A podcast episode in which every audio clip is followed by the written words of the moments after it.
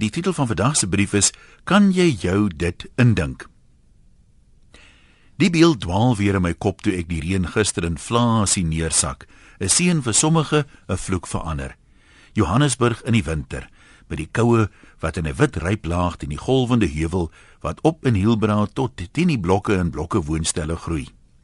'n Paar bevrore stryders van die strate skuifel agter die vlasbosse en struike uit uit onder die bome tot by die dag se eerste son 'n streep oor die oggendverkeer trek. Ek sit weer in my ouma se woonstel se stoepkamer en hang met my kop teen die kantgordyn om hierdie vir my ongekende verskynsel dop te hou. Waar ons woon, ken ons nie van bedelaars en boemelaars nie. Waar ouma hulle woon, is dit algemeen 'n pestilensie sê hulle. Kan jy jou dit indink, vra moeder, toe ons verby die soevelste bedelaar ry met 'n kartonbord wat die een of ander seëning of versoek om hulp bevat? Mens lees dit nie meer nie en weier selfs om weer daaraan te dink. Die maatskaplike kenners sê dat ons die mense op straat nie kos of veral geld moet gee nie.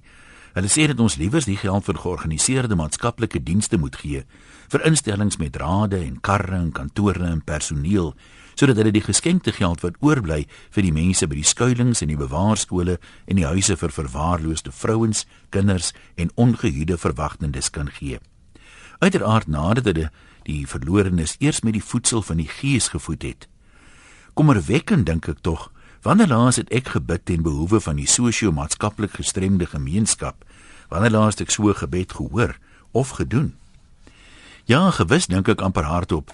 Hierdie hedendaagse stryders van die strate word van baie slegte gewoontes en eienskappe beskuldig. Hulle is te lui om te werk, hulle suip al hulle geld uit. As hy kan rook, kan hy werk ook.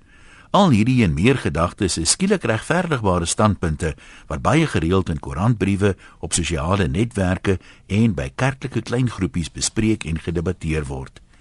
Maar kan jy jou dit werklik indink? Hoe vervaard en meegesleur moet 'n eens gesonde mens se brein en chemiese samestelling word om toe te laat dat slegs die basiese oorlewingsinstinkte oorbly? In die oggend word jy wakker en wanneer die verkeer begin spoed optel, dan staan op Vat jou bedelbord en gaan verkeerslig toe. Staan die dag in die wind en die son of die reën. Namiddag wanneer die laaste stoetspitsverkeer verbyskiet na die kospotte van hulle voorstedelike Egipte, dan tel jy jou fonds vir die dag en begin stadig aanstap na die winkelsentrum. Miskien sal die wagte jou nie vanaand sien of verjaag nie. Miskien sal jy dan gou-gou by die naaste badkamer kan insluip en 'n bietjie lui was. Klaar gewas nou vir 'n bottel nagrus en die bokse reg kry vir later se slaap. Môre wanneer die wyn uitgewerk is, sal jy weer die stryd aanpak. Maar hopelik en as daar genade is, sal jy nie môreoggend wakker word nie.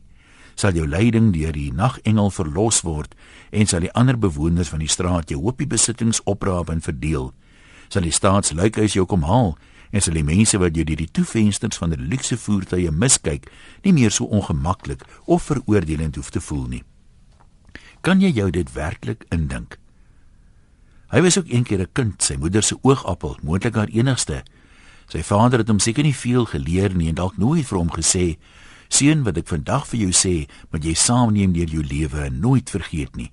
Dis ware wysheid wat jou sal help om op koers te bly." So het niemand help sorg dat hy wysheid of insig bekom nie. Hy het nie die vloek en skelwoorde vergeet nie en van die koers van mislukking kon hy nie afwyk nie. Die wysheid was nooit sy metgesel nie.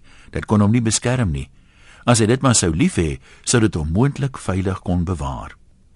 Dankie Salomo, jy was toe reg. Groete van motor tot motor. Anoniem.